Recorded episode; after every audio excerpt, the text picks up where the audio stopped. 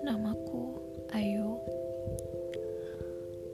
Aku biasa dipanggil Ai. Panggilan itu salah satu panggilan yang paling istimewa yang paling aku kenal. Karena panggilan itu panggilan yang sering dia ucapkan buat aku. Dia yang aku kenal dari semester 3 bulan November di tahun 2019. Dia dan aku yang akhirnya terpisah hanya karena restu.